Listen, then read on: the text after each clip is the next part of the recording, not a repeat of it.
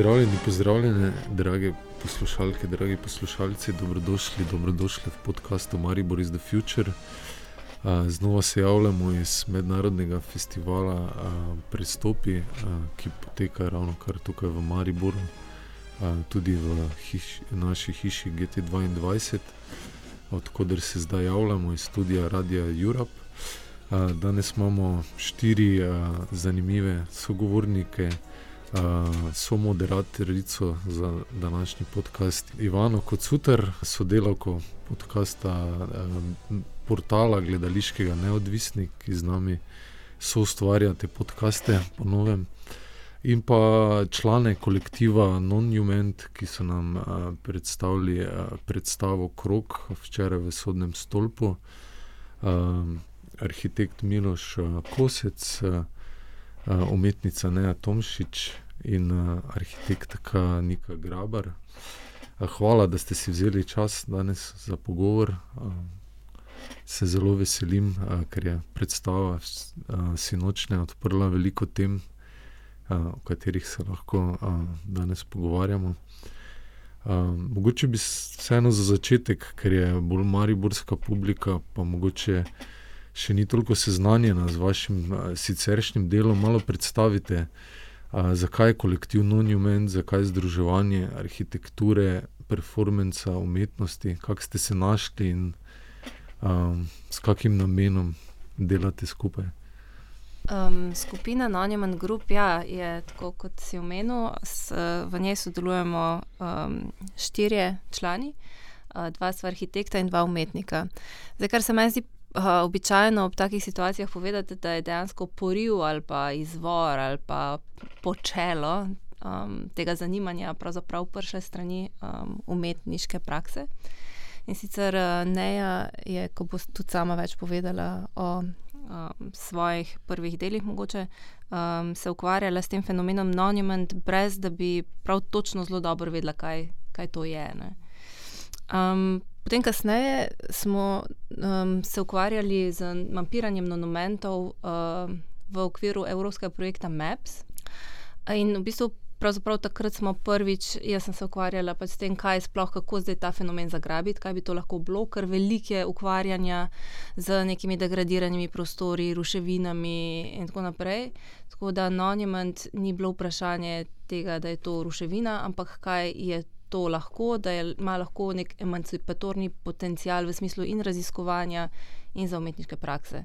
Tako da takrat smo nekako um, zastavili monumente kot um, Zdaj, zanimivo, na zadnje Dipl prevaja monumente kot nepomnike. E, jaz jim govorim, da so pozabniki, ampak v resnici gre za uh, arhitekturo, javno prostore, spomenike infrastrukture, ki so šli skozi nek proces transformacije, se pravi uh, za prostore, ki so imeli močen simbolni pomen in je v bistvu z njimi povezana neka družbena transformacija, se pravi, da obstaja en prej, pa en potem.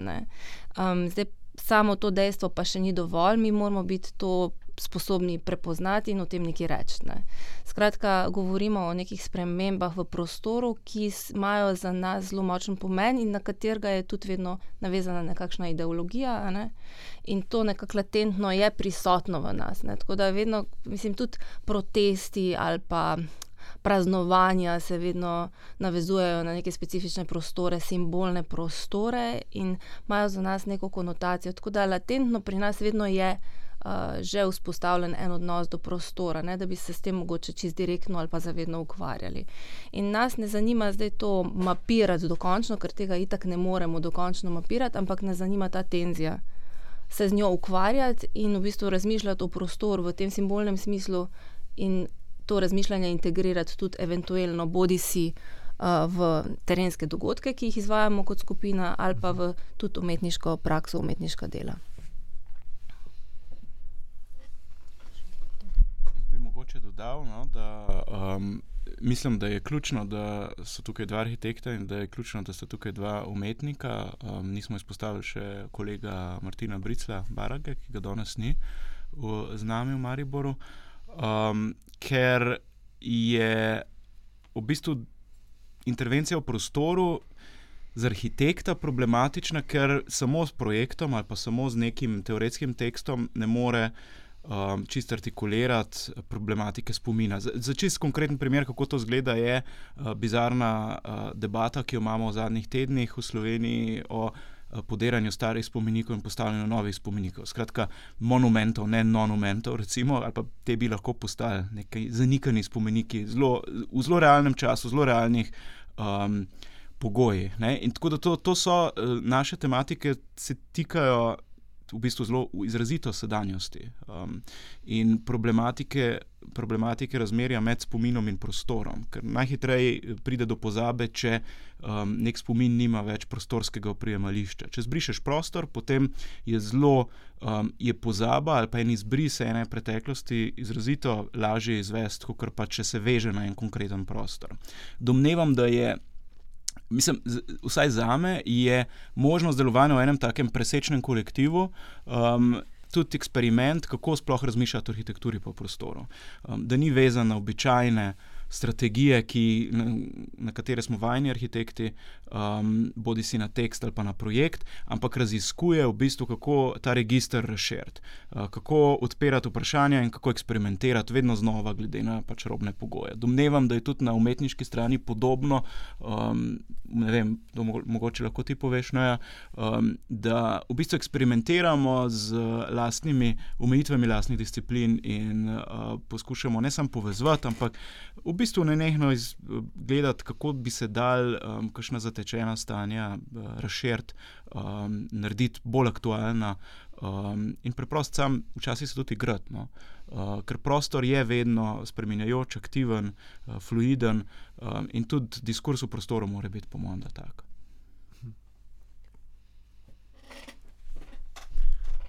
Je to tudi potem na nek način uh, non-human? Uh, samo po sebi, tak, ustvarjanje takih predstav, presečišč, torej nekaj, kar mo, monumenci predstavljamo kot nekaj statičnega, v, v kamen vklesanega, namenjenega za večnost. Uh, monument pa ravno nasprotno uh, hoče vzpostaviti neko dialoškost ne, o teh temah. Ja, meni se zdi da je to ključno, uh, da gre za nenehno spremenjajoč se dinamičen uh, termin, ampak tudi nenehno spremenjajoč se dinamičen prostor. Uh, v spomenikih smo dejansko navajeni razmišljati kot v kamen, v marmor, v bron. Uh, Izražena večnost, po drugi strani so pa čisto vsi spomeniki, ki jih poznamo, stari največ 200 let, v resnici v javnem prostoru. Tako da so tudi te, um, ta uh, stalnost uh, je iluzija. Um, Jaz sem se že pre, preden sem se vključil v, v kolektivno monument ukvarjal z vprašanjem ruševine. In ruševina je, po mojem, da uh, ni ostanek preteklosti. Ruševina je mogoče najbolj modern objekt, Um, zato, ker nima arhitekta, ampak smo um, avtori ruševine, pravzaprav vsi, na sicer negativen način, tako da je ne uporabljamo.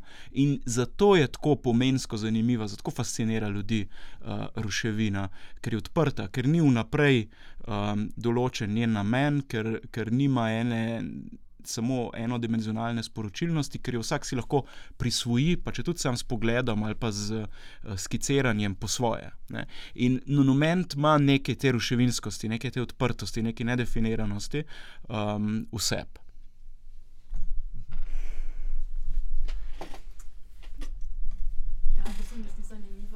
Um, ta ideja odprtosti, ki jo ima Monument, in um, neka in tudi ruševina, uh, ki se prepusti času in pusti entropiji, da dela svoje, in um, se skupaj s časom odpira in odpira te funkcije, ki so ji bile pač določene, ko je bila zgrajena. In um, mogoče, ja, torej ruševine ne uporabljamo, ampak vseeno, mogoče, ko si jo podrobno pogledamo, vidimo, kaj se z njo dogaja. In ne vem, mogoče jo prerase rastlinje ali pa živijo v njej živali, pač zelo se nekako seseda in pač dobiva neke druge funkcije in neke druge možnosti. In se mi zdi to zelo. Podobno kot uh, pri umetnosti in pri gledališču, ki je tudi pač neka, uh, nek prostor možnosti in prostor tak neke inovacije v tem smislu, ki pa ni čisto določena, ker lahko gre, lahko gre kamorkoli in Um, mogoče ja, bi, bi na tej točki postavila še nej vprašanje. Um, zakaj se pa tebi, recimo, zdi zanimivo sodelovanje, ti kot umetnica, zakaj se ti zdi zanimivo sodelovanje z arhitekturo? Um. Ja, se zdaj, ko sem poslušala vas, um, sem razmišljala o tem, kako se je pravzaprav začelo vse to, ne, na to, kar se je v bistvu tudi Nika uh, navezala. Um, na to, in v bistvu se je za me to raziskovanje monumentov, ki je sicer kot beseda, uh, oziroma kot nek termin, že obstajala dolgo preden smo naredili pač prvo umetniško intervencijo v, v Baltimoru, v Ameriki. Um, ampak nekako nisem mi dejansko sestavljal v nekem arhitekturnem objektu. Ne? Bil je nek termin, v, smo, v katerega smo dali marsikaj. Um, različne spomenike, tudi futuristične ideje, oziroma neke uh, raziskovanje, kakšni bi bili monumenti prihodnosti. Um, potem pa se je v bistvu v, v Baltimoru to sestavljalo v en uh, smi, meni smiselen. Uh, meni smiselen koncept um, tega, da v bistvu želje po raziskovanju arhitekture, uh, monumentov in javnih prostorov, ki, ljud, ki so pomembni za ljudi in ki so dejansko pač uh, v fazi recimo izbrisa. Za, in se pravi, obenem so pomembni in obenem so to. Um, Zapuščeni, propadajoči, mogoče celo izbrisani prostori. Um, recimo v krogu ne nekaj govori o, o zemljevidu, um, mapiranju, uh, katero besedo že uporabiš. Ne žrtvovanja, ampak odrešitve. Um, se pravi, odrešitve kot um, nasprotnega pola, žrtve. Um, in se mi zdi, da uh, na nek način.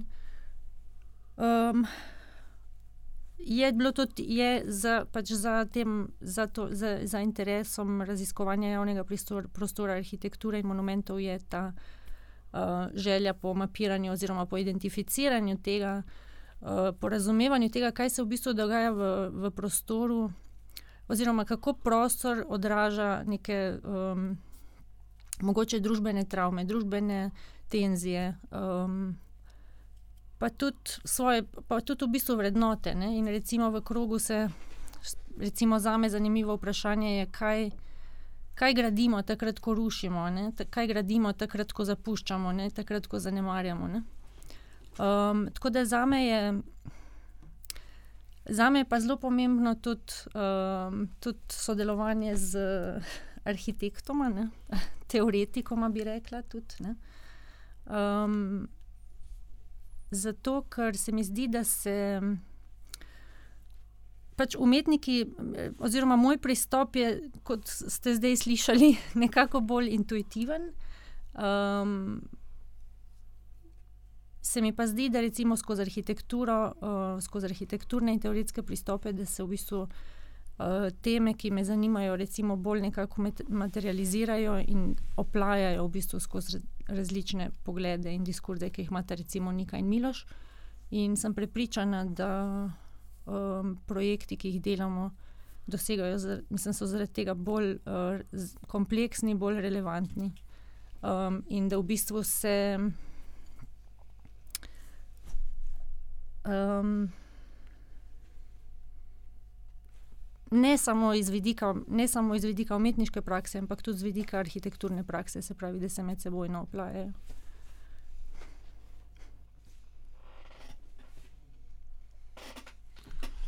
Um, ja, mogoče se mi zdi tudi zanimivo, um, koliko pa recimo sam prostor. Uh, Se mi zdi, da v predstavi krok je kot akter ne, v predstavi, v bistvu se nam živo izriše uh, gledališče sicer uh, ima nekoliko drugačno funkcijo, ne? da te v bistvu postavi v razliko od občinstva, v krogu se ta zid hoče prebijati, hkrati pa je oder, tist, mislim, prostor tisti, ki nam spregovori, ne samo kot neko prizorišče, kjer se odvija predstava, ampak na nek način živi, zaživi med nami, ne? ko se recimo v sploh ta, zdaj v lokaciji, kjer ste delali, je recimo sodni stolp, ki ima in zgodovino, in je zdaj obkrožen z gradbiščem, se ta čas zlije in um, v bistvu lahko dejansko čutiš prostor, ne, ne da ga bi pozabil, da bi bil kot neka ladja, ki te popelje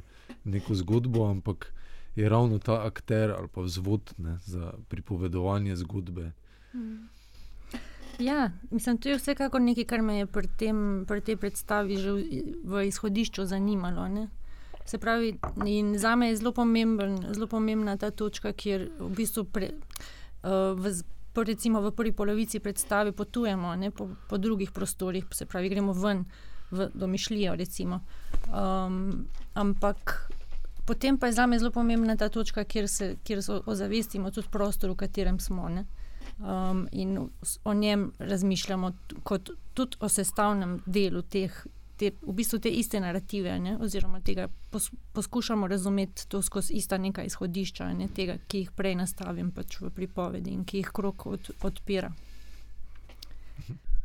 Ta, ta del predstave je del, ki se pač pri vsaki drugi uh, lokaciji, seveda, spremeni. Uh, Uh, in nima pa želje, da bi, da bi v bistvu to na ravni ene pripovedi izpadlo, kot da se luči pržgejo in naenkrat, da si vržen ven. Um, ravno to je po mojem, da, poanta, da smo vedno določeni s prostorom, da um, neka eh, iluzija um, White Cube, ene bele galerijske kocke ali pa Black Boxa teatra, kjer si na prvi pogled dan v en neprostor, ker se lahko vsak prostor manifestira ali pa vsaka zgodba manifestira, v resnici ne obstaja. Ne? Da tudi gledališke dvorane, ki so pogosto, še posebej danes, v nekdanjih um, industrijskih objektih, v historičnih objektih, kot je sodni stolp.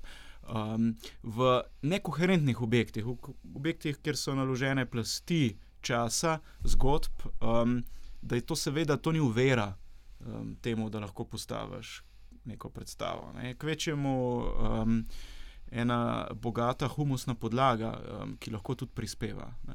In to predstavo smo do zdaj postavili v štirih različnih ambientih. Um, tako v takih, ki so na prvi pogled novi, pa niso, uh, kot recimo Cukrarna v Ljubljani, um, ali pa um, prenovljeni industrijski um, prostor um, nekdanje elektrarne v Ljubljani, um, kot recimo v nekdanji, že davno opuščeni sinagogi, ki je potem postala skladišče, ki je potem postala prizorišče sodobne umetnosti v Klužu. In Kluž je ta kraj, kjer um, se v bistvu glavna zvezda uh, kroga um, nahaja, to je park uh, železniških delavcev. Um, in zdaj v sodnem stolpu v Mariboru, ki ima tudi blazno zanimivo zgodovino. Ne samo ta del, v katerem ponovadi beremo, um, ampak dejansko tudi ima eno bogato zgodovino propadanja in prenove. Uh, poleg tega pa moram reči, da je bilo meni fascinantno, da smo krog lahko prvič um, postavili v okroglem prostoru. To se mi je zdelo super. Uh, ja, potem je vedno uh, povezana z, z predstavo, je pa tudi vedno povezana dilema, kako bo lokalno občinstvo odreagiralo na morebitno intervencijo. Uh, Um, in se mi zdi, da je tudi to dosti simptomatično, da se lahko ljudje, to smo zdaj pač ugotovili, da pravzaprav kjerkoli je odigrana ta predstava, oziroma kjer se realizira ta performativni video, eh, eh, performativni esej. Pravzaprav se ljudje lahko identificirajo, no, da so te teme res posod prisotne, s problematiko prostora. Tudi v Klužu v bistvu je bila debata dosti podobna. In se mi zdi, da na splošno je to en velik čas sprememb, no, v katerem živimo, um, z podnebnimi spremembami, z političnimi spremembami, da ta ruševinskost je vse prisotna v družbenem tkivu. Ne. Tako da nagovarjati skozi to, skozi en simptom prostora, se mi zdi, da naredi zadevo bolj oprijemljivo, bolj dostopno, bolj iskreno, če lahko to sploh rečem. Skratka, se ne pretvarja, no, ampak skozi ne zgodbe v prostoru govorijo o neki širši problematiki, kot o simptomu o sodobne dobe. In zato se mi zdi zelo pomembno ta erozija ne, sveta, ki se nam trenutno odvija, da pravzaprav skozi to pripovedovanje v, v tem eh, krogu, kot sta videla, ne uporabljamo nobenih vizualnih elementov. To je bila pač zavestna odločitev, oziroma samo na koncu ne pokaže fotografije, da, to to, da ti prostori dejansko obstajajo in da so povedali, da so te zgodbe resnične. Uh, skratka, ukvarjanje pravzaprav s to erozijo časa in prostora, v katerem živimo, dati čas in prostor refleksiji, o tem se mi zdi izjemno pomembno. Zaradi tega, ker pravzaprav spremembe, ki prihajajo, jih ne moremo, oziroma so že tu, jih ne moremo ustaviti. Uh, je pa zelo pomembno, da se z, z tem na nek oseben način pač, um, soočimo in kako dati prostor temu, ker ne moremo za to zgraditi enega svetišča, ne, ali pa ne moremo postaviti ene sodne dvorane, kjer bomo popravili ali krivice. Eno izmed vprašanj, s katerim mi se ukvarjamo na področju, ki sega v umetniške prakse, ampak tudi s terenskimi dogodki, ne, ki se na to navezujejo. Tako da ukvarjanje z pozabo, v času radikalnih sprememb je, mislim, da je izjemno pomembno in v kontekstu družbenega nikjer pravzaprav ne glašeno, zaradi tega, ker vsaka politična opcija se seveda ukvarja s prihodnostjo in z dokazovanjem s tem, da je tista konkretna politična opcija prava, da nas bo popeljala v to svetlo prihodnost. Ja, če se lahko navežem na to, Kar se mi zdi zanimivo, je, da um, recimo vsaka politična opcija, ki se ukvarja s prihodnostjo, želi nekako izbrisati preteklost in zgraditi na novo pač, um, svet, kot se vsakokrat neki opciji zdi prav. In um, opozarjanje na usedline preteklosti, ki so v javnih prostorih in med katerimi živimo, in ki se jih mogoče ne zavedamo, ker. Um, pa ne zato, ker jih, pač, ker jih ne bi bilo, ker, ampak preprosto, ker um, jih označimo kot ruševine, kot um, neke degradirane objekte. Mm, in jih, in jih ne vidimo, in ne, ne slišimo za njihovo zgodovino in za neke emancipatorne zgodbe iz preteklosti, ki bi nam pokazale zdaj v sedanjosti neko drugačno pot, neko možnost, da da, ni, da ta realnost, v kateri živimo, ni edina uh, možna realnost. To se mi zdi zelo pomembno in um, na nek način, ja, spet gledališče tudi ustvarja neke um, prostore, kjer se kaže na neke emancipatorne potencijale. Ampak um, zelo pomembno se mi zdi, recimo, da. Uh, Neke zgodbe iz preteklosti, ki bi nam lahko dale upanje danes, um, in se jih poskuša izbrisati. Zdi se mi, da se recimo javni prostor poskuša zagraditi, producirati, nekako zreducirati možnosti uporabe in, um, in življenja, in jih pač zreducirati na neko, ja, neko, tudi naše vloge v javnem življenju, zreducirati na neke čisto določene funkcije. Um, se mi zdi zelo. Uh, Zelo pomembno da, da obstaja kot neko sredstvo revit, revitalizacije in odpiranja. In, uh, in, um, ja, in to pač to po eni strani dela gledališče in tudi arhitektura, ki po eni strani um, je tista prva instanca, ki, ki uh, sproži neko produkcijo in gradnjo in, in grajenje javnega prostora, ampak z refleksijo se, se lahko tudi javni prostor zgraditi drugače in um, bolj, bolj odprto, in bolj z več možnostmi, in bolj igrivo. In, in se mi zdi, da to dva zelo kreativna pola, ki se ju da pač lepo povezati. Um, ja. Lahko tukaj ja, komentar kar, na to, uh, ker se mi zdi, da je zelo dobra poanta. V bistvu bi jo pojmoval kot problem instrumentalizacije javnega prostora. Mm. Dejansko se javni prostor zelo veliko prenavlja, mm. um, še posebej v mestih, uh, kot so Ljubljana, pa tudi Maribor, vedno bolj, um, kjer so velike investicije v bistvu namenjene. Na prvi pogled, popolnoma pozitivni stvari, novemu tlakovanju, um, odpiranju prostorov, ki so bili prej namenjeni za avtomobile, za pešce. To so načeloma super stvari, pa vendar uh, se istočasno izvaja ena taka um, instrumentalizacija, um, sploščitev rabe teh prostorov. Skratka, namenjene so res samo za um, pol privatizirane um, gostinske vrtove, recimo. Um, vnaprej so odrejene cone, kjer naj bi počel določene stvari, Uh, stvari so urejene in vnaprej uh, predvidene.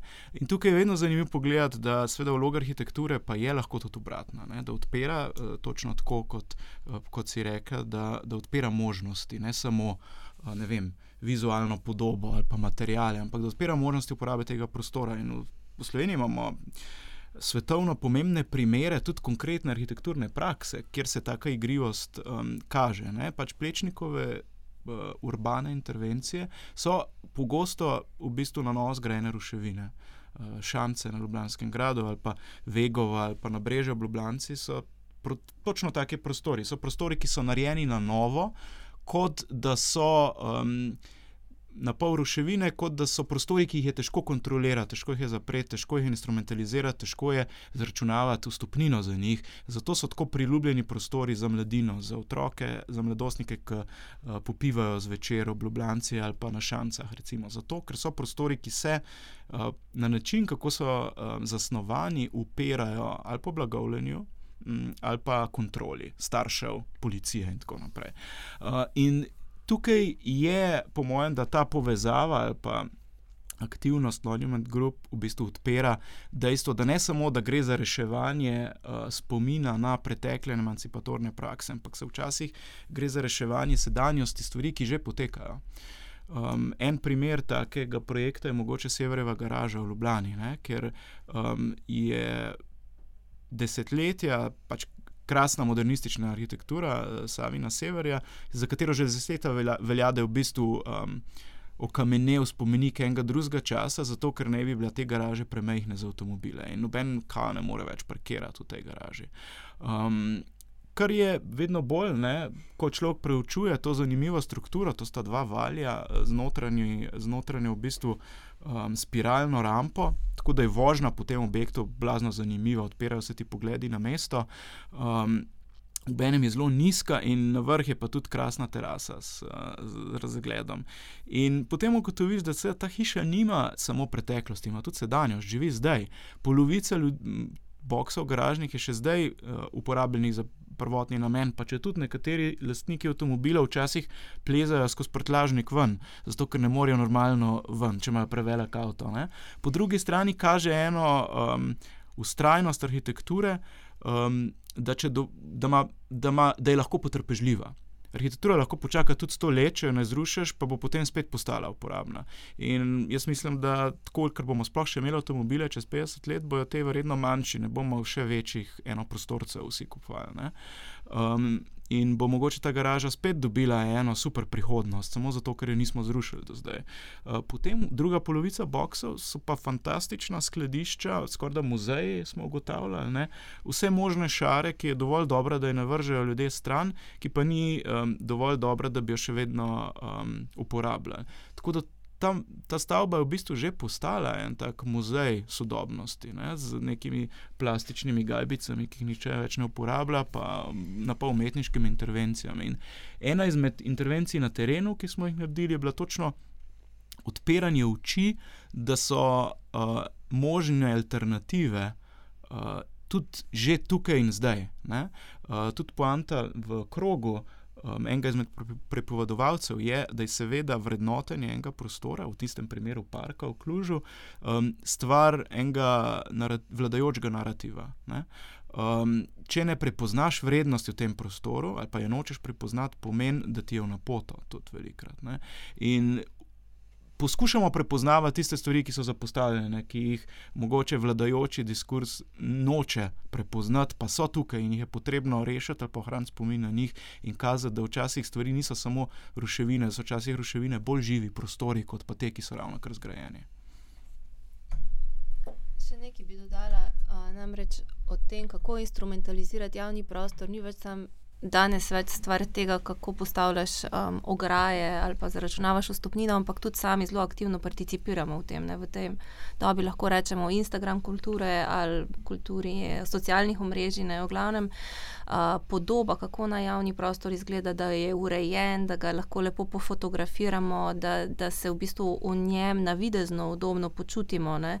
je nekaj, kar zelo intenzivno oblikuje javno mnenje skozi vprašanja urejenosti, čistosti, varnosti in pravzaprav to debata v javnem prostoru v nekem resnem diskurzivnem smislu, kjer naj bi participirali o teh vprašanjih, kar smo prej odpirali, intenzivnih družbenih sprememb, kaj je vloga grajenega napram zelenemu, kako se preobraža družba, kakšno infrastrukturo imamo, da pravzaprav ta uh, družba lahko nagovori to neko zeleno, uh, so naravno prihodnost, pravzaprav umanka. Tega, tega diskurza ni za res. Uh, tako da se vse uh, odločitve nekako sprejemajo na podlagi javnega mnenja, ki ga v veliki meri kri, krojijo tisti, ki obvladujejo medije. Uh, pravzaprav ta prostor je hermetično zaprt, hkrati pa imamo to navidezno svobodo izmenjave idej, ki je pač popolnoma determinirana v tem vizualnem smislu, ne, kar lajkamo. In tudi tle je vedno bolj vprašanje zasičenosti prostora, kdo to kontrolira in na kakšen način. Skratka, hočem reči, instrumentalizacija prostora v današnjem času uh, je dobila tudi ta nov moment ne, družbenih omrežij, ki, ki doskrat danes umanka, se nam zdi. Uh, v tej navidezni svobodni resničnosti, da pravzaprav vse seveda imamo prav. Ne? Se pravi, zelo osebno in še bolj zmanjka um, uh, uvid v to, kaj prostor pravzaprav dela, generira, na kak način se ukvarjamo z njegovo materialnostjo, kaj je infrastruktura. To so posamezni lepotilni elementi, ki jih vidimo v mestu, hkrati pa vidimo, da ne vem. Ni parkirišč, parkirišča so na nepravih mestih, ni vlaganja v javno infrastrukturo, ni vlaganja v javno zdravstvo, in tako naprej. Ne. In kako se bo ta preobrazba zgodila, pravzaprav vidimo, da se te javne zadeve bolj kot ne um, pač krčijo, no, da ne rečem, se Um, da, to je tudi nekaj, kar je, um, se pravi, latentno prisotno vprašanje prostora, ki je med nami vse čas prisotno. Pravzaprav na ta način tudi poskušamo intervenirati, da razmišljamo o pomenski vrednosti prostora, ne samo in v bistvu nakazovati na njegovo materialnost, um, ne samo kot nekaj lepega, kar nas osrečuje v smislu, da imamo prostor iti nekam na popoldanski sprehod, ampak da je to uh, veliko bolj pla, večplastna zadeva, ki dejansko zahteva tudi dialog, zelo resen družbeni dialog, no, ki, ki ga ni. No. Nikjer res ga ne opažamo. Jaz bi se mogoče tle spet navezala še na predstavo Krok ne, in um, recimo spet neko um, mogoče nek intuitiven ali pa ne vem, neko občutenje, um, ki sem ga ki ga v bistvu želim predati, oziroma um, o katerem želim govoriti pač v, v tej predstavi, in to je nekako ta tukaj in zdaj, ne, biti v recimo nekem porušenem parku. Ne. Um, oziroma v nekem gradbišču, v katerem se je zgodil izbris. Ne. In tema, ki se je v bistvu poskušam um, tudi dotakniti v, v krogu, je to, da v bistvu nas obdajajo prostori, oziroma vsi, vsi imamo to izkušnjo, ne, recimo, ki jo lahko poimenujemo tudi um, neka fascinacija z ruševino. Ne. Um, po drugi strani pa pravzaprav mislim, da ne gre samo za fascinacijo, ampak gre, um, lah, gre v bistvu tudi za, za to, da um, imamo pro, nekatere ruševine oziroma nekatere zanemarjene prostore, izredno radi in jih čutimo kot prost, ne prostore, ki so prostori preteklosti, ampak prostori, ki so naši in ki so nam bili na nek način oduzeti. Ne? In recimo v krogu se um, v zadnjem delu dotaknem tudi um, gradnje tega pamet, pametnega mesta Transilvanija. Ne? In to je v bistvu en tak zelo absurden um, um, primer tega, da recimo, ne vem, um, lahko stojimo v nekem zanemarjenem parku, v neki ruševini, v nečemu zapuščenemu in vemo, da se hkrati gradi uh, arhitektura, naprimer v tem primeru um, pametno mesto Transilvanija. Um, Ki dejansko že vnaprej zanvejo, da verjetno nikoli ne bo realiziran, je popolna ekonomska spekulacija. Um, da, da se ljudje tja ne bodo uselili, da, bodo to, da se gradi samo zato, da se uh, obračajo milijoni, um, da, da se denar nekam steka, medtem ko svet okrog nas, pač naš park, v katerega smo hodili, razpada. Ne? In recimo, zanimivo je tudi to, da Um, dejansko, recimo, park želez, železniških delavcev um, ni, bil, ni, potrebn, ni bila potrebna desetmilijonska investicija, porušiti vsa drevesa, nasaditi oziroma posekati vsa drevesa tam, jih ponovno nasaditi, um, spremeniti vse poti. Zato, ker ljudje so ta park že uporabljali in lahko bi tudi skozi pogovore z arhitekti in z ljudmi, ki so v ta park hodili, um, sem vedno znova slišala, ni bilo potrebno vsega prenoviti. Park je že bil, v njem so že bila drevesa, v njem so že bile klopi. Ampak skozi te, v bistvu, zaradi uh, in, vem, kapitalskih interesov, se v bistvu neko parcelo izčrpa in se vanjo uloži milijone, zato da se denar lahko obrača, hkrati se gradi. Um, hkrati se gradi pametna mesta. Ampak jaz sem hotela v krogu pač nekako pozornost obrniti tudi na to, da ljudje, ki smo pa tu v teh mestih, ne, imamo pa radi prostore, ki so že tam, um, radi, bi jih, radi bi jih ohranili. Rad, to, to, mislim, ne potrebujemo novega sveta, ne? ta svet je že tukaj. Tako, to sem hotela dodati. Sem, mogoče je to tako, kot ne. Um, smešno, ko se govori o tem, kako bomo naselili Mars. Ne? In je tako noro, ker pač Noč, tam noč ni, ni vode, ni zraka, ni ničesar, tle pa sediš na nečem, kar je neskončno in pač stvari so same po sebi in rastejo rastline iz zemlje, pač zalivati mogoče moraš vrtne in da ne znaš ti tega pravzaprav uporabiti na en tak način, da bi si ustvaril to življenje. Ne, mi bomo morali, ker očitno ne znamo. Ne. Mislim, mogoče pač naj gre, ne. res bi bilo super, če gre, ne. pa naj tam ustvari si karkoli hoče, pa bomo tle bolj srečni. Ne. Da, um, ja. ja. Hotela sem še v bistvu aktualizirati zelo konkretno, naprimer z Ljubljanskim Bežigradom, se bo lahko še mogoče Miloš dopolnil, ker se mi zdi tudi super, ta Bežigrajski stadion je točno tak mm -hmm. primer prostora, ne, ki je tam in vemo, da je nacionalni spomenik zelo dolgo, kompleksno zgodovino, ampak je točno to, o čemer Neja govori. Ne. Pa verjetno bi našel še mnogo drugih primerov, ampak ta je toliko boleč, ker je toliko simbolen, ker se toliko stvari povezuje z njim.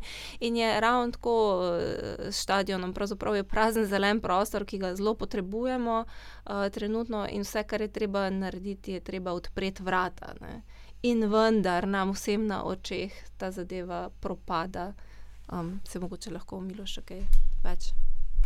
Mogoče bi dodal, ja, samo to, da je res, eh, recimo, Bežigradski stadion je primer uh, potencijala. Uh, potencijal je beseda, ko jo slišim, primem za pištolo, bi lahko parafrazirali tisto znano um, reklo od Goebbelsa. Um, potencial je točno to, kot si na primeru uh, Marsa razlagala. Mars ima samo potencial, naš drugega. Tam se lahko vse šele nastane, ker ničesar še ni.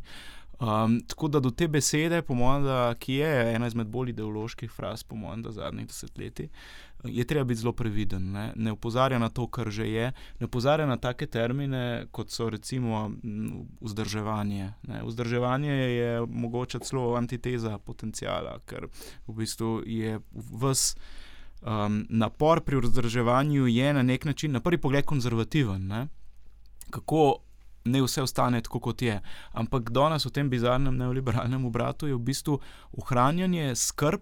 Um, za, za to, kar že je, um, po mojem, izrazito progresivna gesta, medtem ko se za besedo potencial skriva samo želja po uničevanju, po tabuli razi in ponovnemu, uh, ponovni ekstrakciji ali pa vzpostavljanju pogojev za novo ekstrakcijo um, rente, recimo zemljiške. Um, Bežigradski stadion je fantastičen primer, kako se to res mojstrsko dela. Ne? Dovolj je, da niti ne, ne najameš bagrov, da zrušijo neko um, stvar, ki je bila prej tam odprta. Dovolj je, da zakleneš vrata, da aktivno preprečuješ 15 let v bistvu dostop, celo pogled zaradi zidu um, ljudem, ki živijo v bližini, um, in s tem počasi um, večaš distanco med. Eh, prostorom, ki je bil nekdaj javen, in ljudmi, ki eh, vedno bolj hodijo mimo, kot da na drugi strani ni nič kot samo splanirano gradbišče. In potem, čez desetletja, lahko to gradbišče, prazna površina čistega potencijala za developerja, to spet postane. Zato je gotov um, park, v katerem nismo navajeni razmišljati kot ne samo nismo navajeni razmišljati kot o um, arhitekturi, uh, pa tudi o ruševini. In to je, po mojem, zelo zanimivo vprašanje predstave, kako je lahko park ruševina, o čemer ne tudi eksplicitno govori. Um, je tudi debata, ki se nam vedno znova vrača na konkretnih primerih. Pri Bežigradskem stadionu je potem velikrat zdravo razumski argument, češ, ja, ampak če pa ne bojo tam zgradili novih objektov, če ne bojo podkletili s petimi nadstropi parkirnih hiš in zgradili eh, blazno velik eh, komercialni površin okrog, kdo bo pa to stvar sploh vzdrževal. Ampak v resnici je Bežigrajski uh, stadion zelo preprosta, niti ne arhitektura, to ni stavba. To je, to je odprta površina, eh, tribune so v nekdani gramozni jami, eh, samo reguliran, reguliran naravni teren, to je v resnici park. Ne? Kako to, da se nihče za Tivoli nas sprašuje, zakaj ga ne bomo v celoti podkletili ali pa za mestni park v Mariboru, zato da ga lahko zdržujemo. Ne? Za zelo spreten obrat v bistvu ljudi gre, ki hočejo privatizirati javno. Um, pri tem pa moram upozoriti, da se tudi Tivoli ima vedno več graden, podkletitev um, in vedno večji pritisk je na nekaj, kar je bilo nekdaj samoumevno javno. Tukaj ni treba, da govorimo samo o parkih, se lahko govorimo tudi o javnem zdravstvu. Ne? To je vz del iste fronte, po mojem. Da. Ja, se mi zdi, da se nekako zdaj pogovarjamo tudi o prostoru kot prizorišču izvajanja tega spektakla kapitala, ne, ki če tam. A, preobrat, gledališko, arhitekturni, malo preigramo, uh, ker se tudi uh, gre za zelo politično vprašanje, kdo ima prostor, do, uh, dostop do tega prostora uh, in kdo ima besedo, na kak način se ga uporablja.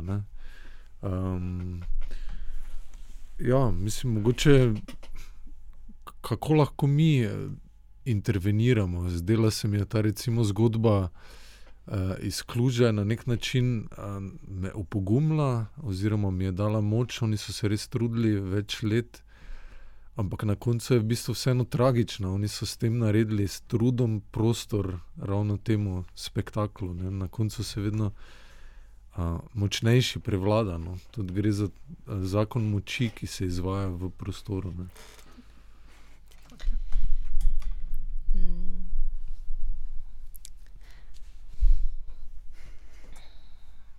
Ja, v bistvu se čutimo vedno nagovorjeni, da interveniramo, da vendar nekaj moramo narediti, in hkrati so sile večje ne, od nas samih. Da, to je tak lep primer, res vklužo se, vendar se borimo za nekaj, ampak hkrati ta zadeva pa postane privatizirana in služi nečemu, proti čemu se v končni fazi ti boriš. Ne. Um, in v bistvu v predstavi jaz govorim o tem na nek način, kako um, se vse vrti okrog te gradnje, da smo v, bistvu v tem diskurzu in v tem ustvarjamo najlepše, najboljše, ampak tudi najstrašnejše. Um, tako da po eni strani se zdi ta zadeva hermetično zaprta, uh, po drugi strani pa je točno to vprašanje, kdo ima moč in kdo lahko odloča o tem. Ne? In če bi šli to stvar do konca premisliti, na kak način se pogovarjamo o prostoru, na kak način govorimo o prostoru, kako se odločamo za same investicije. Um, pravzaprav to ni stvar ene partikularne lokacije, kjer lahko mi to stvar rešimo, ampak gre za res najširše možno družbeno vprašanje, gre za ideološko vprašanje. Ne? In pravzaprav je vse determinirano, oziroma se vse vrti okrog samega tipa razvoja kako pravzaprav vidimo razvoj, in mi vedno, še vedno uh, se pogovarjamo o BDP-ju, ki sami vemo, da z eksponentno rastjo BDP-ja tudi s tem sledi eksponentna rast uničevanja okolja. Tako da te stvari so definitivno povezane. Ne? In pravzaprav prostor sam je simptom, tako kot je danes, se stvari rolajo. Spravi, prostor sam je simptom teh učinkov, kapitalskih učinkov, kar je postal globaliziran kapital, investicije zaradi samih investicij, spravi finančna industrija, ki pravzaprav vemo, da uničuje okolje. In se pravi, kako prekiniti ta začaran krok. Ne? Vse v bistvu dela na tem je ogromno. Ne? Poznamo odrast, uh, govori se o zelenem, uh, o zelenem oziroma kako je že to Green New Deal, ne, ki je v bistvu enako. Pač, to je ideološko vprašanje, ki je treba pravzaprav spremeniti same temelje razumevanja razvoja. In projektiranje samo sledi modernističnemu projektiranju, ki je pravzaprav temeljilo na tem, da se gradi na podlagi infrastrukture. Infrastruktura je vzpostavljena okrog tega, da imamo energijo. Energija je tista, ki nam omogoča proizvodnjo in da imamo to proizvodno, potrošno konsumpcijo. Pravzaprav rabimo tudi stanovanja, zato da bomo mi noter srečno živeli in napolnili naša stanovanja z stvarmi, ki jih danes vedno manj potrebujemo. Ne. Tako da, če mi ne mislimo spremeniti te ideologije, kjer je uh, eksponentna uh, ekonomska rast temelj razvoja, uh, če ne bomo videli, da pač pravzaprav to ni razvoj, ki je sam po sebi nekaj drugega, in ne bomo začeli, in to se mi zdi izjemno pomembno, razumevati našega političnega delovanja, da bomo naglašali te probleme, pravzaprav bo prostor vedno samo simptom in problem, ki bo to odražal. Mogoče lahko zelo konkretno tudi pač rečemo, da vprašanje razvoja ni nekaj, kar se politično o tem izrekajo sploh stranke pri nas, ne, ki krojijo potem to usodo. To je pač nekaj, kar smo mi sprejeli in vedno bolj intenzivno sprejemamo skozi vse Google, skozi vso IT tehnologijo. In pravzaprav država Republike Slovenije pač nimamo do zdaj odprte debate, ki bi zares imela neke družbene posledice a, o tem, kako planiramo prostor kot rezultat sprememb, ki se dogajajo in ki bi lahko naglaševali to. Ne. Mi imamo makroekonomske analize in razvoj, in na podlagi teh parametrov se bomo odločali, kakšne bodo investicije. Ne. In te investicije so praviloma takšne, da obidejo kakršne koli politične odločitve, in ko, so, ko vidimo, da je prostor degradiran ali pa bo potencialno postal problem, je edini način, da mi lahko v to interveniramo, tako da ustanovimo civilno inicijativo in se borimo proti temu. In teh civilnih inicijativ imamo malo morje, in vedno več jih je, in vedno več jih bo, dokler ne bomo začeli tega družbeno reševati, ne kot posamezniki, skozi samo individualno delovanje ali pa skozi neko inicijativo, ampak dejansko skozi vse tiste um, parametre, ki jih kot družba imamo na razpolago. Jaz bi dodal samo, da se mi zdi, da je pomembno razumeti, da je to bitka na dolge proge in uh, da na koncu je to vedno bitka za to, kdo bo povedal bolj prepričljivo zgodbo. Tako kot je um, realnost tega uh, zdrave.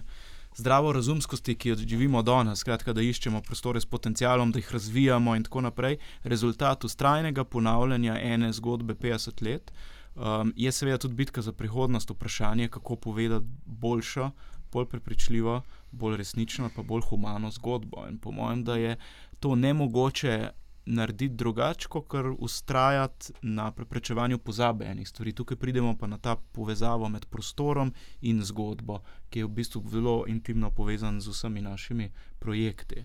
Um, in Zato tudi zgodba parka v Klužu, po mojem, ni še en neuspeh, ampak je v, v vprašanju uspeha te zgodbe povezano s tem, kako dolgo bo ta zgodba preživela, ali pa uh, spomenik v Baltimoru, ki ga danes fizično več ni.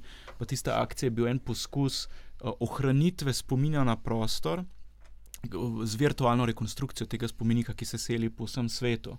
Um, ohraniti spomin na ta prostor, ne samo na eno skulpturo, na eno intervencijo v prostoru, ampak na vse dogodke, ki so se tam odvijali. To je bil prostor, kjer so uh, protestirali uh, ljudje v Baltimoru, eden izmed redkih prostorov, kjer so bili dovoljeni protesti. Jasno je, da je. Uničenje te fontane bilo povezano tudi z uničenjem spomina na, uh, na te proteste. In zato je ta bitka za ohranjanje spomina tako povezana z bitko za ohranjanjem uh, pomembnih prostorov.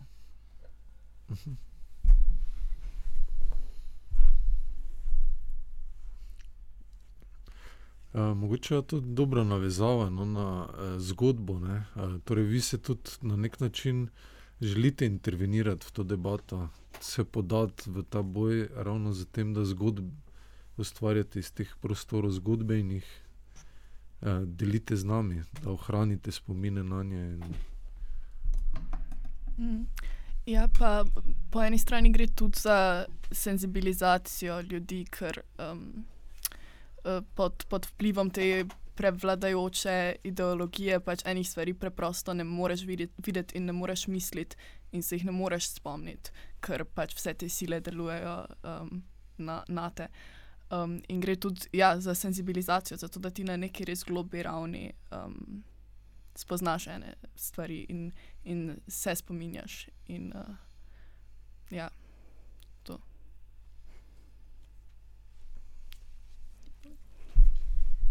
Se mogoče včasih res uh, tako smešno, ne? ker moramo biti tako lepi, pa zdravi, pa učinkoviti, pa mi smo krivi, če nam ne gre dobro, pa treba se, se treba stisniti, ne še malo, treba stisniti, vse pol pa bo. Mogoče pa ni treba, mogoče si je pa sam treba malo vzeti čas. Ker, kot ne, sem začela pač iz estetskega momenta, je prišla ta ideja o monumentih in um, Adorno, ki govori tudi o. o o arhitekturi v svojem tekstu Funkcionalizem danes pravzaprav govori, ko je pa arhitektura izgubila smisel, vse estetski moment je tisti, skozi katerega lahko tudi vidimo na novo. Um, pa ne estetski v tem smislu, kot danes razumemo estetiko, uh, estetska kirurgija, pa vse je estetsko, pa vse je lepo populirano, ampak v tem doživljajskem smislu. Tako da v nas samih je že, se mi drugače ne bi mogli biti odzivni na take zgodbe. Ne? Zakaj pa nas zanimajo zgodbe, zakaj pa se ustavimo ob neki hiši? Rečem, ojej, škoda, ali pa ojej, vse se spomnim. Pravzaprav ti prostori so del nas, zaradi tega, ker so s tem povezani naši spomini in pravzaprav moramo sami sebe začeti imati resno, kaj nam pomeni, pa si vzeti čas za to, da se lahko senzibiliziramo in pravzaprav vidimo, da s tem ustvarjamo nek skupni čas, v katerem živimo.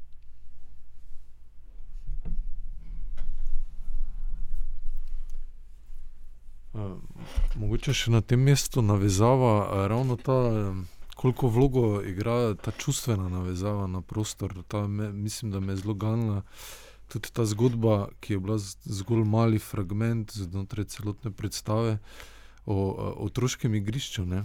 o izkušnji, kjer še nismo imeli velikih konceptov prostora, ampak smo samo v njem živeli, pa so se nam stvari na nek način dogajale.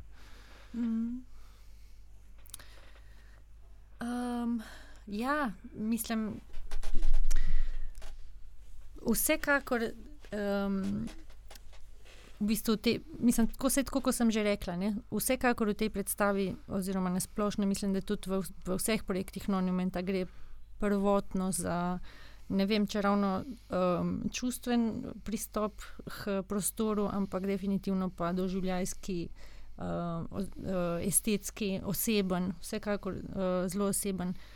Um, ne, nikakor ne skozi uh, neke ne vem, zgodovinsko-umetniška uh, uh, umetnostna merila ali pač arhitekturne kriterije ali urbanistične uh, vrednote, um, ampak nekako skozi čist moje osebno doživljanje prostora. In, um, Ja, dejansko se mi skozi pisanje uh, teksta ne, za krok um, um, se, se mi je nekako pojavilo to otroško igrišče moje. Um, In to razmišljanje o tem, česar pravzaprav prej nisem zares ozavestila, da, da je dejansko pač ruševina bila v, v, v jedru mojega, mojega odraščanja. Da, da, da smo, in, in v bistvu ta, to, kar recimo vzpostavim tudi pri parku Antoniadis v Egiptu, da je dejansko ta ruševina živela, zato ker smo jo otroci uporabljali. Um, da park Antoniadis, ki je popolnoma zanemarjen, um, živi zato, ker ljudje hodijo še vedno vsak dan tja in ker hočejo imeti park in ker ga uporabljajo kot park. Ne? In da je uh, park železniških delavcev, recimo, tudi zaradi tega istega. Um, iz tega razloga uh, tako dolgo živel. Um, ja.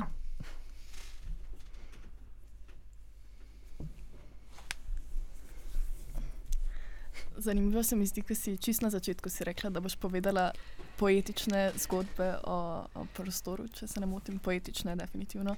In um, se mi zdi, da smo, da smo vsaj jasno, sem prišla do tega spoznanja, kak je prostor res nekaj poetičnega, samo zato, ker je tak, um, ker nekako usmerja našo intuicijo in naše razpoloženje, ker po eni strani je prostor tisto, kar omejuje naše premikanje, in po drugi strani, kar ga sploh omogoča, um, da, se, da se v določenih smerih premikamo in, in, uh, in razmišljamo in se ustavljamo in tako dalje. Um, in resno vzeti svojo izkušnjo uh, bivanja v nekem prostoru, pa pomisliti o tem, kak je sam prostor na te vplival, je, um, je nekaj, kar, mo kar, kar mogoče pozabimo, kdaj pa sam vzamemo za samo umevno, a bila je. Vem, na avtocesti je bila gužva, pa um, pač nič ne moreš narediti glede tega, pa si zafrustriran pa cel dan. Ampak dejansko so to tako zelo, um, zelo stvari, ki zelo uh, usmerjajo naše življenje in ga oblikujejo, in, gre, in ne gre za neke samoumevne stvari, ampak za nekaj, kar tak je, je stvar odločitev in. Um, In v zadnji instanci tudi stvar, pač nečesa, kar se da spremeniti. In se mi zdi, no, da, da je imati svojo izkušnjo prostora resno in, in najti tudi poetiko v tem, ko je recimo nek prostor označen za, za ruševino, pa pravzaprav ti vidiš, a ne, meni je bilo pa v bistvu super v tem prostoru, pač uh, inspiriral me je. Um, ni, ni, ni to nič vreden prostor, ruševina, uh, degradiran prostor. To se mi je zdelo zelo, zelo zanimivo v predstavi. Mm. Mislim, ja, se mi zdi, da načrtno nekako poskušam izpostaviti to, da, da, da bom pripovedovala poetične zgodbe. Mm. Uh, ravno zaradi tega, ker so te zgodbe v resnici politične, mm. um, ampak je izhodišče. Uh, iz, pač želim, pa, želim pa poudariti uh, ravno to osebno, osebno doživljanje uh, prostora, ki ga imamo. In, vem, skozi predstavo se tudi uh, poskušam vzpostaviti um, to, kar si omenjala, zdaj se pravi to neko um, preskoke v percepciji. Ne? recimo v parku Antoniadis um, uh, poskušam govoriti o, o razliki tega, da, o, o razliki med tem, kako sem jaz doživljala prostor. Se pravi, sprašujem se, ali imam pravico usiljevati temu parku merila o tem, kakšen naj bi javni park bil, medtem ko je zelo. Očitno, da sem vstopila v park, ki je zelo živ in ki je za te prebivalce absolutno edini pač park. Park, kot to je njihov park. Um, meni se pa zdi zanemarjen, ruševina in um, mi vzbuja, ne vem, mogoče. Um, Mi je žal, ne, da, je ta, da imajo takšen park, tako posušen in popolnoma zanemarjen. Um, potem, recimo pri otroškem igrišču, ne, nekaj, kar, um, kar je bilo za me absolutno naj, najlepše, najboljše igrišče. Jaz imam na njem samo čudovite spomine. Um, je prav tako um, v, bistvu v predstavi, nekako grem, naredim preskok v percepciji, da dejansko je bila to pač ruševina. Um, in se mi zdi, da nekaj podobnega se zgodi potem tudi pri uh, parku železniških delavcev. Um, se pravi, tam bo nov park, ampak. Um, In, in, in ljudje, ki bodo vstopili tja, in tudi recimo ljudje, ko smo igrali predstavo v Klužu, je bilo tam ogromno mladih ljudi, ki sploh niso vedeli za ta park, ne? ker je ta zgodovina že izbrisana in oni bodo prišli v nov park. Um, dejansko pa je to park, ki ima izredno, tako kot pove en od govorcev, izredno pome pomembno vlogo v um, zgodovini pač nekih uh, družbenega boja, pač recimo v, v Klužu, v Romuniji in je z njim povezano Um, če, če opazujemo, kaj se je z njim dogajalo skozi zgodovino, lahko razberemo marsikatere ključne preskoke v tem, um, v zgodovini mesta, ki so ga oblikovali. Um, in se mi zdi, da se tukaj tudi lahko vzpostavi, oziroma da se skozi skoz to pripoved spet vzpostavi ta dvojnost. Ne? Se pravi, percepcija tega, da stopiš v en park in je lepo, uh, hkrati pa lahko preskočiš tudi v to, da dejansko si v parku izbrisan. Um, ja. Jaz bi se mogoče sem še z eno stvarjo navezala, um, ker ta park izbrisa, se mi zdi tudi, da veš, kako, kako pravzaprav je to noro, da moramo na tak način. Um, prihajati do enih novih parkov. Zaradi tega, ker vprašanje, če bi bil tam park, če se ne bi vsa ta družbena ta družbeni revolt zgodil in v bistvu skozi tako zanimive intervencije, ki so se borile za ta javni park. Ne. Se pravi, na nek način je to njihovo delo izbrisano, a hkrati brez njih ne bi bilo te zelene površine in še vedno je dobro, še vedno je boljše, da je tam zelena površina, kot je ni. Ne. In kako je to v bistvu podobno, recimo, če se spet navežem na, Ljubljans, na ljubljansko situacijo, v primeru roga. Naprimer, a, spet projekt, ki je, mislim, popolnoma popolna norost, da pravzaprav imaš neke projekte, se pravi neke, neke vizije, ki, ki, ki, ki, ne, ki ne držijo vode v resnici, in potem se ne nehno in na strani občine, in na strani civilnih inicijativ, in pač uporabnikov, in ne vem koga vsega, bije nek boj za to, da se pol premikajo te centimetri, da prideš do nečesa, kar dejansko potem vpliva na rezultat. Se pravi, ta projekt, ki bo zdaj izgrajen, dejansko ne bi bil tak, če ne bi bilo teh inicijativ in uporov in vsega skupaj. Ne? In zdaj mogoče še super navezava, da imamo zdaj tudi tam park izbrisanih. A, tako da pravzaprav je to res način, kako v neki demokratični družbi ti projektiraš prostor, ne? da prideš do nečesa, uh, kar relativno potem smo vsi um, spravljeni, hkrati pa tudi veliko stvari potlačenih, pa zbrisanih. Ne? A res se ne more vzpostaviti nek drugačen dialog v zvezi s tem, vse pa vendar vemo, uh, da, da, da se s temi stvarmi treba ukvarjati. No? Tako da ni treba, da gremo v kluž to hočem reči, ne? da se pravzaprav te isti boji odvijajo tu in potem se vse tako lepo v medijski sliki poinstagramira, da, da so vsi obklukani in zadovoljni.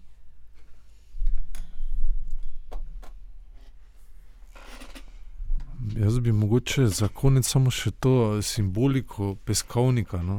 me je tudi zelo nagovorila, ki se mi zdi kot uh, uh, ful pomenil, mogoče ravno povzame vse to, kar smo se pogovarjali. Ravno združuje to časovno kot pesek, ki se spremika, ki ni nič stalnega, in prostorsko komponento, kjer smo se nekoč kot otroci, mogoče brezkrbno igrali, zdaj pa je nek peskovnik kapitalskih interesov. Ne? Tudi vprašanje, kdo upravlja z prostorom, komu je zdaj to peskovnik. Um, Kako ste vi videli to vlogo uh, peskovnika v predstavi? Včeraj je bilo zanimivo, predstavi je prišel en uh, fant in je rekel, da je to v bistvu neka terapevtska metoda, dejansko ta peskovnika. Ne? Kako se že imenuje, sand play ali nekaj takega, um, kjer dejansko terapeut in njegov. Um, vem, stranka ali sogovornik eh, sedita v peskovniku z eh, različnimi predmeti in potem tale njegov. Ne vem, nočem uporabiti besede pacijent, ampak ne vem, kje od druga bi uporabljala. Imate kakšno sugestijo? Klient. Klient, klient recimo, ja. uh, izbira potem predmete, ki so uh, položeni poleg uh, peskovnika in jih uh, v bistvu polaga v peskovnik in govori o tem, kaj mu ti predmeti pomenijo, kako jih vidi, in jih potem postavlja med seboj, v medsebojna razmerja. In dejansko uh, se mi zdi, da. Mislim, sem, sem nikoli prej nisem slišala za to, ampak se mi zdi, da je uh, nekaj zelo podobnega se, se dogaja v krogu. Uh, v bistvu jaz o tem moram povedati, da o krogu nik, uh, nikoli nisem razmišljala kot o peskovniku. Um, Jaz sem želela imeti eno, um, en, en osreden prostor, na katerem bom skozi z uporabo čisto osnovnih vem, gradnikov, kamnov, železnih palic, stvari, ki sem jih nabrala na, na gradbiščih in v parkih, um, gradila um, prostore, um, pri čemer bi rada gledalcem um, puščala čim več prostega prostora za interpretacijo. Ne? In zato, da sami te, prost, eh, te eh, predmete, oziroma te prostore, ki jih tam zgradim skozi svojo pripoved, napolnijo z vlastnimi pomeni, z vlastnimi asociacijami. Um, tako da za me, um, sicer peskovnik se tudi pojavi na več mestih, ne v predstavi, uh, tudi na tekstovnem nivoju, ampak um, Ja, za, je, mislim, moram povedati, da, da nekako nisem gledala na krog kot na peskovnik. Je pa vsekakor in to, kar je pač ta fant včeraj povedal o tem sandplayu, kot o neki uh, terapevtski metodi in to, kar si zdaj ti omenil, ne, da je v bistvu pač peskovnik nekakšna metafora tega naše prvega v bistvu oblikovanja prostora, ne, ki ga tudi. Um, Ki ga kot otroci zelo intuitivno in z veseljem uh, nekako se s tem igramo. Ne? Um, ja, se mi zdi, da, da je tudi na tem nivoju vsekakor možno brati predstavo. Mislim, ni bila v bistvu moja ideja, ampak včeraj sem opazoval, da po predstavi, v bistvu otroci, ki so bili v predstavi, oni so si vzeli krok ne, kot peskovnik in so začeli svoje postavitve delati. V bistvu. Ja, se, to, je, to je v bistvu novost. To se je to se na prvih predstavah, prvih, vem, ko smo bili v Cukrarni, v uh, Stari elektrarni, se pravzaprav to nikoli ni zgodilo. Od Kluža naprej um, pa ljudje. Dejansko po predstavi ne samo otroci, ampak tudi odrasli grejo uh, krogu in začnejo se ga dotikati. In, vem, v Klužu je celo ena punca vprašala, če si lahko vzame malo peska za spomin. recimo, um, ampak uh, ja, ja, jih definitivno privlači in želijo tudi oni uh, postavljati oziroma se igrati s tem. Bolj bi pa počasi na tej točki zaključil, pa se vam vsem zahvalil za zanimiv pogovor in debato. Ja, hvala uh, vam za vabilo, oziroma vam. Z veseljem. Uh, va, hvala tudi vam, da ste poslušali, in uh, lepo vas vabimo, da si greste ogledati predstavo. Uh, ne vem, kdaj bo spet jo možno videti. Mm, mislim, da bomo ja, novembra na festivalu Drugajanje, ampak ne vem še v katerem mestu. Mislim, da poteka v Mariboru, Ptuju in v Novi Gorici. Ne vem, kam nas bodo poslali.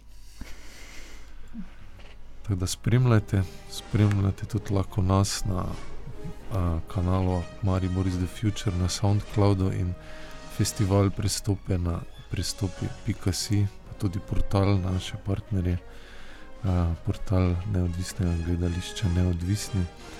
Uh, hvala in se slišimo